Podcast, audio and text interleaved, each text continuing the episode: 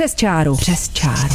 Posloucháme, nesoudíme. To necháváme na vás. Nalinkujeme vám rozhovory na aktuální téma s lidmi, kteří se nebojí vyjít mimo vyznačené zóny. Přes čáru. Každé pondělí v podvečer na rádiu Wave. Vlajku na podporu Tibetu letos vyvěsilo přes 700 českých obcí, městských částí a různých institucí, jako jsou například školy. Po letech se k podpoře vyvěšením červenomodré vlajky se zasněženou horou a žlutým sluncem uprostřed přidala i Praha. Hlavní město tak s novou politickou reprezentací zřejmě podle posledních kroků mění postoj k Číně. Primátor Zdeněk Hřib z Pirátů a radní Hana Kordová Marvanová z Hnutí stan navíc minulý týden přijali předsedu tibetské exilové vlády.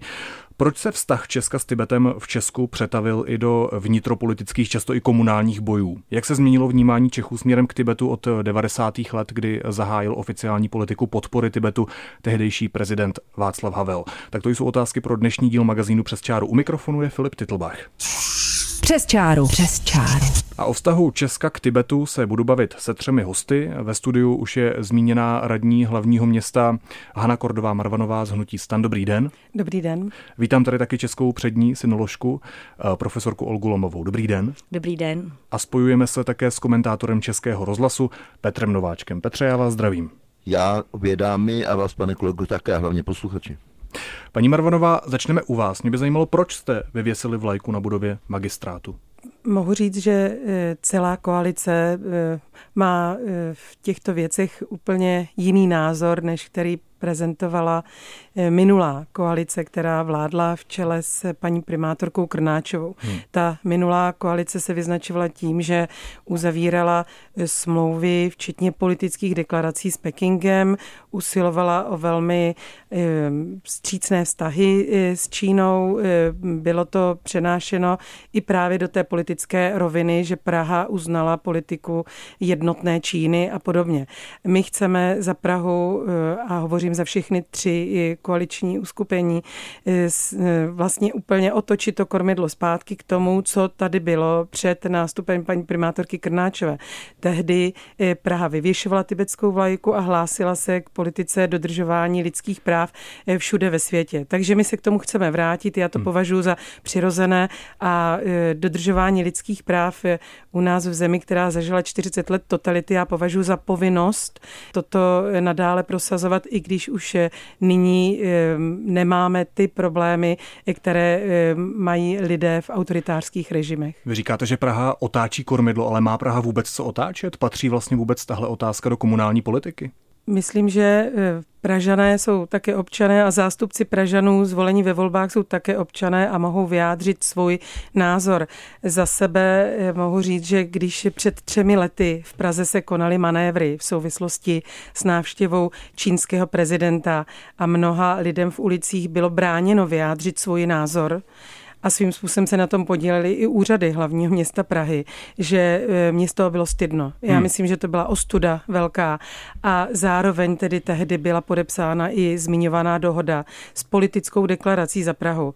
E, čili e, pro mě je přirozené, když teď máme možnost to změnit, udělat to tak, abychom se za Prahu nemuseli stydět a Praha se přihlásila k tomu, co třeba reprezentoval Václav Havel a co je vyjadřováno vlastně tím symbolickým gestem vyvěšení tibetské vlajky ve dnech, kdy si připomínáme eh, krvavé potlačení povstání v Tibetu. Petře, jak vnímáte ten krok eh, pražských komunálních politiků, ale i dalších jako radnic a třeba i škol, které se rozhodly eh, vyvěšením vlajky podpořit tibetskou exilovou vládu? Co zatím je? Co mám povídat, paní Hanička už to všechno řekla, jako občanský postoj zaplat pámbu takový, jaký, jaký nyní je. Víte, ono, náš vztah k Číně, myslím k té lidové takzvané, to je prostě jeden velký kšeft hlavně. A co tomu brání, protože za tím kšeftem se pohybují velmi vlivné skupiny lidí napojené na některé politiky, tak co tomu kšeftu brání, to musí jít stranou. Proto se postupně, tak jak se na, ta naše společnost po listopadu začala měnit. Ten eh, moment eh, obrany lidských práv, včetně obhajoby Tibetu a, a, a tak dále, vytrácel české politiky a byl tam vlastně držen násilím. Paní Anička si možná vzpomene, že když Václav Klaus jako předseda vlády naštívil dvakrát Čínu, takže se velmi bránil tomu, aby tam otázku lidských práv otevřel, ale na nátlak kolegů ve vládě tak přece jenom učinil pak už se nikdo o těchto záležitostech ani formálně nezmiňoval. Ale to je není jen Praha. Praha je důležitá, Praha je hlavní město. No tak já jsem se vás ptal na ostatní radnice a školy. Ale já se spíš ptám na to, jestli to tam i v patří. malých vesnicích, to je ano. prostě úžasný. Ano, to víte, že ano. Já jsem vždycky patřil k, k komentátorům, kteří odmítali představu, že komunální volby to je jenom záležitost, jestli budeme stavět kanalizaci nebo vodojem nebo stadion, že to je samozřejmě věc aktivity občanství, tedy věc hmm. na míru politická. Eh, na té dolní úrovni se to samozřejmě dělá trochu jinak právě vidí výjimečná, to je, když rozhodujete v státě.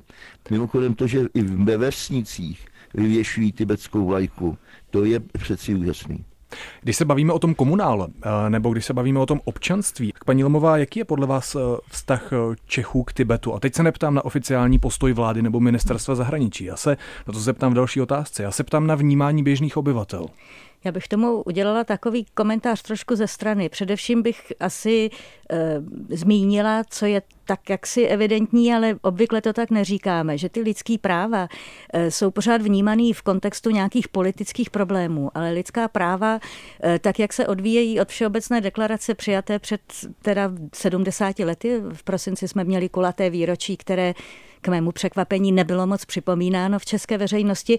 To jsou skutečně práva každého člověka a je hmm. to něco, co jde mimo politiku, to je něco, co hájí zájmy, důstojný a dobrý život každého obyčejného člověka. A to bychom si měli opakovat, protože jinak to lidi vnímají jako to, co se tam někde domlouvají politici a je to, přesahuje to ta politická jednání, i když je samozřejmě jejich součástí. K tomu vnímání Tibetu tady nejde jenom o Tibet jako specifickou oblast, specifickou kulturu, eh, specifický národní osud. Eh, Tibet je podle mého názoru eh, především symbolem vzdoru proti aroganci moci. Nám je přirozeně Tibet sympatický prostě proto, že je to ten malý, mm-hmm který zdoruje teda tlaku těch velkých. Takže tohle a je to, co Češi běžní já Češi nevím, podporují? Já, já nemůžu mluvit za, za běžné Čechy, ale já osobně to tak vnímám, protože ta sama otázka historická eh, statusu Tibetu a jestli má být samostatný nebo nemá být samostatný a tak dále a tak dále, je velmi složitá a myslím si, že většina lidí o tom příliš neuvažuje, ale vidí, vidí tedy Tibet jako určitou, určité společenství hmm. lidí, eh, které má pozoruhodnou kulturu a které usiluje o, svou, o své přežití. Říkáte, že nemůžete mluvit za ostatní, chápu to, ale když mluvíte za sebe, tak jak se liší ten váš postoj oproti tomu oficiálnímu postoji České republiky k Tibetu? Můj osobní postoj je, je lidský postoj, e, oficiální a můžu si dovolit říkat věci, které e, prostě politici, a teď na ně nechci nasazovat, e, v politice musí víc vážit slova a musí některé věci formulovat v dalších souvislostech hmm. a musí e, vlastně e, uvažovat o těch věcech komplexně, i třeba s ohledem na nejrůznější mezinárodní úmluvy a tak dále, a tak dále.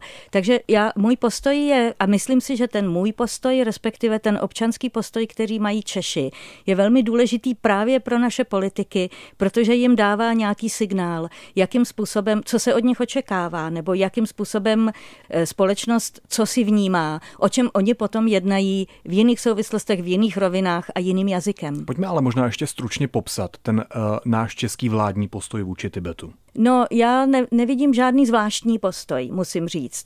Já mám pocit, že tady jsou mezinárodní dohody, eh, léta staré dohody, které konstatují, že Česká republika eh, se hlásí k myšlence eh, nedělitelnosti Číny. Hmm. Je to trošku taková chytračina, protože do té nedělitelnosti patří i Tajvan, který fakticky oddělený je, takže samo, samo o sobě prohlášení nedělitelnosti Číny svědomím, že, že čínská strana do toho zahrnuje Tajvan a naše strana eh, to většinou tak explicitně neříká, eh, tak vlastně eh, ukazuje, že tady je nějaký konsenzus, nějaká mezinárodní dohoda, kterou má podle mého názoru, já jsem to nesledovala podrobně, ale drtivá většina hmm. států hmm. celého světa. Je to tak? Na druhou stranu, například, když minulá naše vláda, která tedy nastolila ten velmi pročínský kurz, myslím Sobotkovu vládu, opakovaně ujišťovala čínské partnery, že podporujeme nedělitelnost Číny, včetně Tibetu a Tajvanu, tam to dokonce bylo takovýmhle způsobem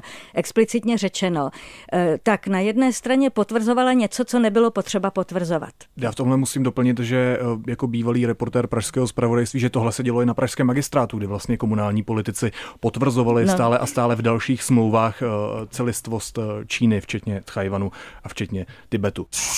Přes čáru. Přes čáru. Posloucháte Radio Wave, dále ladíte magazín Přes čáru, kde se dneska věnujeme vztahu Čechů k Tibetu a k Číně.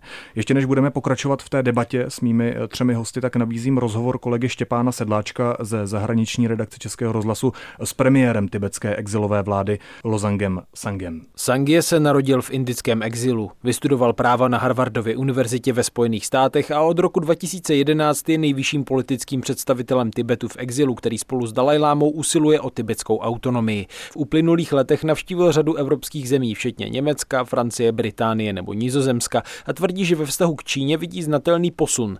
Státy po celém světě jsou teď podle něj ostražitější. What we have been saying all these years is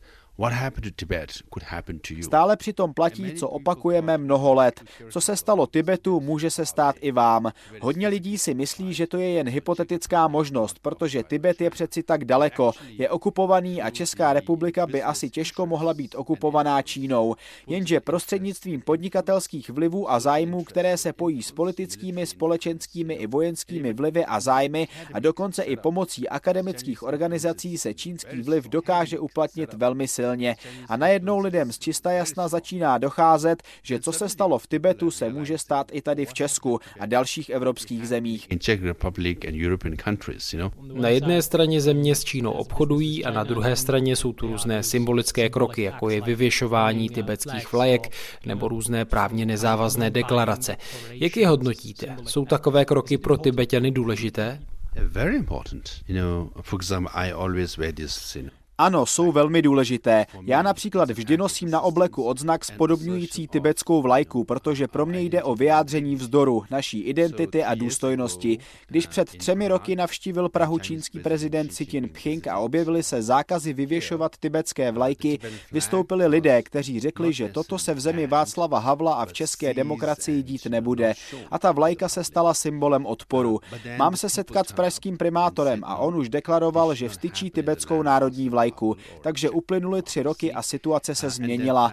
Na místo zabavování a zakrývání tibetských vlajek je teď všichni uvidí. Na symbolice opravdu záleží. Všichni jsme lidské bytosti a jakmile dostaneme naději a symboly, tak už toho máme v životě hodně. Takže si opravdu cením všech měst a obcí, které v Česku, na Slovensku a ve zbytku Evropy vyvěsí tibetské vlajky. Je to akt vzdoru, který zároveň vysílá zprávu, že tibetská vlajka je symbolem demokracie, lidských práv a nenásilí To byla slova eh, předsedy exilové tibetské vlády. Já ještě přidám aktuální vyjádření čínské strany pro český rozhlas, který nám v době natáčení přišel před pár minutami. A cituji. Zaznamenali jsme, že někteří členové parlamentu České republiky a místní představitelé nebrali ohled na rozhodný nesouhlas čínské strany, ignorovali závazný postoj české vlády k otázce Tibetu a uspořádali setkání v uvozovkách s předsedou tibetské exilové vlády. Čínská strana s tímto vyjadřuje silnou nespokojenost a rozhodný nesouhlas souhlas. Na konci dopisu se ještě píše, že Čína apeluje na příslušné české osobnosti, aby brali v úvahu postoje a zájmy čínské strany k otázce Tibetu přistupovali náležitě a s rozvahou a vyvarovali se narušení a poškození čínsko-českých vztahů. K tomuhle se ještě dostaneme. Teď každopádně eh, zpátky eh, k rozhovoru s premiérem tibetské exilové vlády. Sangi tvrdí, že eh, co se stalo Tibetu, tak se může stát i nám a zároveň říká, že podpora Tibetu, tedy třeba vyvěšením vlajek, je pro něj velmi důležitá. Tak eh, jak ta jeho slova vnímáte, paní Lomová? No, já je vnímám jako věr, velmi výstižná a věrohodná. Eh, samozřejmě netřeba moc diskutovat o tom, že když někdo eh, je v pozici tedy pronásledovaného a někdo mu vyjádří symbolicky eh, solidaritu, že ho to posílí, že mu to dodá naději, prostě ho to potěší. Ano. Co se týče té úvahy o tom, že tak jako dopadl Tibet, může dopadnout celý svět, i když si to lidé, nebo v tomto případě konkrétním Česká republika, i když si to lidé nepřipouštějí, tak si myslím, že v tom je hluboká pravda v tom, že dneska samozřejmě ta okupace má trošku jinou podobu, než měla před 60 lety, ale je to eh, ve vázání a podřízení eh, států, zejména těch menších států, jako jsme my, ekonomickým a politickým zájmům Čínské lidové republiky. Hmm. A na to tady nepotřebujeme čínské dobrovolníky a armádu a stačí nám vytváření určitého prostředí, ať už ve veřejném prostoru, veřejného mínění, anebo ekonomických vazeb takových, které nakonec eh, vlastně tu moc dají do rukou Čínské lidové republice. A tady není pochyb o tom, že Čínská lidová republika v současné době je stát, který o to velmi usiluje. Hmm. Mít pod kontrolou co možná největší porci světa. Paní Maravonová, já jsem tady četl ten čínský docela ostrý apel, který je mířený, předpokládám, i na vás. Eh, tak co na ní říkáte? Řekla bych, že oni to takhle dělají vždycky takže my si z toho nic neděláme. A e, ta slova, e, která řekl předseda tibetské exilové vlády, také mě mluví velmi. A nejen, že to tež se může nám či jin, jiným zemím dít v budoucnu, co se děje v Tibetu, ale nám se to i dělo. A právě proto já cítím veliký závazek za Českou republiku, za Čechy, Moravany, Slezany abychom, když už máme tu svobodu, tak nezapomínali eh, na to, že jsme ji neměli a co to pro nás znamenalo, když eh, nás podporovali lidé ze západu. Hmm. Já si to ještě velmi dobře pamatuju, pamatuju si vysílání Svobodné Evropy, Hlasu Ameriky, co všechno vlastně na západě pro nás lidé dělali, ať už Češi či další eh, osobnosti a země a podporovali nás v tom odporu proti komunistickému režimu. A já osobně jsem třeba zažila, když mě do vězení v roce 88 eh, přicházely dopisy z celého světa, které organizovala organizace eh, Amnesty International, která dneska se zasazuje o dodržování lidských práv všude ve světě a i v Tibetu. Takže já to cítím jako dluh, který musíme neustále splácet a že musíme vracet tu podporu, kterou jsme měli. Vzpomeňme si, když jsem třeba přijel v prosinci 88 eh, francouzský prezident Mitterrand a uspořádal návštěvu, eh, respektive snídaní, na kterou pozval disidenty, jaké to bylo důležité gesto ve vztahu k té vládnoucí komunistické moci. My jako bývalá totalitní země máme povinnost toto vracet a podporovat eh, eh, úsilí o dodržování lidských práv těch obyčejných lidí po celém světě. Oficiální politika podpory Tibetu, kterou v 90. letech zahájil prezident Václav Havel, se za těch skoro 30 let dost proměnila. Vlastně by se dalo říct, že ta jeho politika byla spíš výjimkou mezi postoji následujících vrcholných českých politiků. Jak tedy vnímáte ten obrat? Co přesně se změnilo? Petře, to je možná otázka i na vás, i, v tom, jak slyšíte tady komunální političku, jak tvrdí, že by se neměla třeba nechat zastrašit apelem z čínské strany. No tak to určitě ne. Víte, já to domýšlím ještě jako vzděláním historik trošku jinak a ve velmi aktuálních souvislostech paní doktorka Marvanová teď eh, mluvila o obrovské podpoře, kterou dostával nejen náš disent před eh, listopadem 89 z západu. Kolik tam toho lidé pro nás dělali. A teď udělám ten skok. Já nejsem fanatickým příznivcem Evropské unie, ale uvědomuju si, že někdy na jejím počátku bylo skončení francouzsko-německého rozporu, což byl důvod nekonečného množství válek a milionů mrtvých historicky v Evropě. Toto společenství, dnes Evropská unie, může mít vady a jistě vady má. A když slyším o tamtud, taky mi tam mimochodem ve Francii žije dcera, že prostě oni nerozumí jako některým našim stanoviskům a pocitují to dnes jako nedostatek lojality, když my stále se nám něco nelíbí, stále něco ne, tak se trochu stydím. Stydím se, když si vzpomenu právě na François Mitterranda, na tu snídání, na paní eh, doktorku Marvanovou, na Ivana Metka z Lasu Ameriky z Vídně, když každý den šet, předčítal seznamy lidí, kteří byli zatčeni, už byli provedeny domovní prohlídky a tak dále. My nejsme solidární. A to je velká vada. A eh, to je, řekl bych, poučení i z toho, co to znamená bránit Tibet. Hmm. protože ten, společ, ten problém je společný. Mluvila o něm paní profesorka Lomová, že si velká silná země, mocnost, si nějakými prostředky snaží eh, získat kontrolu vliv nad tou menší. A eh, nás zaplať pámbu teď chrání eh, jak Evropská unie, tak NATO že nejsme akutně ohroženi, ale máme přeci historickou zkušenost, na kterou bychom neměli zapomenout. Přes čáru. Přes čáru. Dál ladíte Radio Wave, posloucháte pořad přes čáru o vztahu České republiky k Tibetu a u mikrofonu zůstává Filip Titlbach. Se mnou ve studiu jsou stále tři hosté, přední česká synoložka Olga Lomová, radní hlavního města Hana Kordová Marvanová z Hnutí stan a komentátor Českého rozhlasu Petr Nováček. Česká republika patří v Evropě k tradičně aktivním státům v oblasti kampaní a združení na podporu Tibetu, ať už je to akce Vlajka pro Tibet nebo další akce proti porušování lidských práv, které organizují třeba nevládní organizace. Zájem o tibetskou problematiku udržují i česká média, která poskytují informace o aktuálních politických i občanských událostech. V Čechách, jak jsem si všiml, navíc pořád vychází tibetské listy a věnujeme se otázkám Tibetu i na akademické půdě. Tak já teď položím takovou banální otázku. Proč Čechy Tibet tak moc zajímá?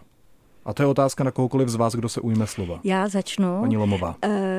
Je to samozřejmě všechno to, co jsem říkala, vzdor proti aroganci moci, eh, sympatie s tím malým, který je utiskován tím velkým, ale pak je to také dílo konkrétních jednotlivců. A tady se vlastně spojují dva faktory. Nějaké, nějaký potenciál, potenciální naladění eh, sympatií a myšlenek, eh, které člověk považuje za důležité, nebo český občan považuje za důležité s individuálním nasazením. A já tady nebudu jmenovat, protože kdybych jmenovala jednoho, zapomenu na druhého, ale aspoň bych zmínila Zuzanu Ondomyšijovou, která vydává teda ty, nebo začala vydávání tibetských listů a má celou řadu aktivit. A tam prostě nic se neděje a nic se nerozvine, pokud vedle jaksi nějakých eh, autoritativních rozhodnutí eh, nejsou aktivity z dola. A tady mm-hmm. jsou velmi eh, soustavné, mnohaleté a obětavé aktivity, které vycházejí z dola. Paní Marvarová, v čem tkví ten český, a teď to dávám do uvozovek a velmi nadsazuji, ale český fetiš k Tibetu? Souhlasím s paní profesorkou, vždycky záleží na eh, konkrétních lidech, jestli se něčemu věnují, tak to dlouhodobě, takže eh, zájem o Tibet a informace o Tibetu, kdyby nebyly dostupné, kdybychom o tom nevěděli a nebyly skupiny lidí, kteří se tím intenzivně zabývají, tak bychom možná o něm tolik nehovořili a nepřipomínali si povstání Tibetanů. Já můžu říct, proč to třeba mluví ke mně. Mm-hmm. Já jsem se zabývala, zajímala už v 80. letech o východní filozofii, ty různé směry, včetně toho, co reprezentuje Dalai Lama, celé to jeho dílo, eh, které je spojeno eh, s eh, úctou k jednotlivci, pochopením, eh, porozuměním a nenásilím. Eh, to znamená, že to je určitá filozofie, která pro nás, kteří žijeme na západě, je jaksi důležitým nějakým příkladem nebo inspirací, aspoň pro mě. Takže ke mně to mluví i z tohoto důvodu. A také to, že to je eh, tento míru milovný národ Tibetanů, kteří tam žijí eh, velmi dlouhou dobu, kteří jsou okupováni a pro nás je to takové symbolické pro Čechy, protože my jsme taky byli eh, dlouhou dobu okupováni, okupovala nás sovětská vojska až do roku 89. To znamená, že podle mě i toto k nám mluví, nebo k mé generaci pro toto mluví, že vlastně takto jsou okupováni Tibetané a málo se třeba ví, že před těmi 60 lety eh, desítky tisíc lidí Tibetanů byli povražděni. To znamená, že ty oběti, které oni na cestě k té své svobodě e, složili, ty jsou tak úctyhodné a oni v tom vlastně pokračují dál. To je obdivuhodné, co dokážou a vlastně pro nás je to příklad, že je malý národ, který jako by to už mohl zdát a nevzdává to a proto my můžeme udělat maličkost, že v tomhle jejich úsilí můžeme podporovat jako národ, který to, e, co oni zažívali, zažil. Vlastně jsme to nezažili tak hrozné. O to větší úctu k ním mám. Říká Hanna Marovanová Petře, proč se, a teď prakticky ta otázka Tibetu eh, přetavuje i do vnitropolitických bojů. Teď míním různé události, nechci být úplně konkrétní, ale kdy třeba nějaká eh, instituce nechce veřejně vyvěsit tibetskou vlajku, ale udělá to pak třeba nějaký politik eh, z okna své kanceláře. Jo, pane kolego, vy narážíte na poslanecký klub TOP 09 a starostů, který takhle vyvěsil tibetskou vlajku z okna poslanecké sněmovny. Eh, ano, No, protože je to politikum an sich, vztah k Tibetu. Mě pořád ale zajímá, proč je to pro nás tak důležité. Já jsem možná ještě nenašel tu no, odpověď praktickou a jasnou. Protože, řekl bych, dějině s tím cítíme, protože jsme něco podobného malem zažili, nejen sovětskou okupaci, ale taky nacistickou okupaci. Protože tehle stát, a i když vypadal jinak, tak Čechy tedy byly historicky neustále ohroženy. Mm-hmm. Je to v tom národu je pochopitelně zakódováno, ne, ne náhodou platilo známé úsloví, že kdo má eh, Čechy, ten má klíč k Evropě. Pro nás je to přeci strašná, strašně vážná věc. My jsme z jedné strany měli Rusko, z druhé strany rozpínavé Německo, tedy z tehdy spíš Prusko. My si přeci musíme vážit své dnešní pozice a musíme si ale uvědomit, že kdyby nebylo jistých okolností, jistých politiků, kterým se po té, co vystoupili z disentu, podařilo tu zemi okamžitě zakotvit na západě, to myslím zejména Václava Havla, tak bychom taky stále mohli být nadále v nejistém postavení. Proto máme jakési patily pro Tibet. A ještě jedna věc je, tady to drží občanská aktivita. Není náhodou, že všechny vlády, jak tady byly, až po tu současnou pana, i pana prezidenta a tak dále, se dívají podezíravě na občanské iniciativy a tu jim říkají, že jim vemou státní podporu a tu tamto. No protože na rozdíl od politických stran, které jsou organizovány vertikálně, eh, ty občanské iniciativy jsou horizontální struktury a mají schopnost jakoby pronikat tou společností a to i způsobem, že jsou proti tomu ty hierarchie politických stran de facto bezmocné, když na to přijde. Ano, proto je tak důležité držet ty občanské iniciativy, protože jedině tak zachováme jako mocný hlas politice například téma lidských práv, včetně eh, našeho, našeho vztahu k Tibetu. Vláda to dělat nebude. Vláda je praktická, mění se a eh, ve světě, jaký dneska je, kdy vlastně jsme jakémsi, pod jakýmsi náporem Čínské lidorepubliky, my všichni, nemyslím je nás, celou Evropu, tak eh, vláda bude kormidlovat a chovat se tak, aby nedostala, abych tak řekl, hlavní zásah. Ma... Tohle dělají občanské iniciativy a klobouk dolů za to, že to dělají. Máte pravdu, že zvlášť v autoritářských režimech eh, ty občanské iniciativy a různé neziskové nevládní organizace jdou první, takzvaně. Ano, jdou paní, první. Paní Lomová, vy jste na to chtěla reagovat? Eh, já jsem chtěla reagovat na takové slůvko, které jste použil možná nevědomky, jestli tam je nějaký praktický důvod. A to je klíč ke všemu. Tam není žádný praktický důvod.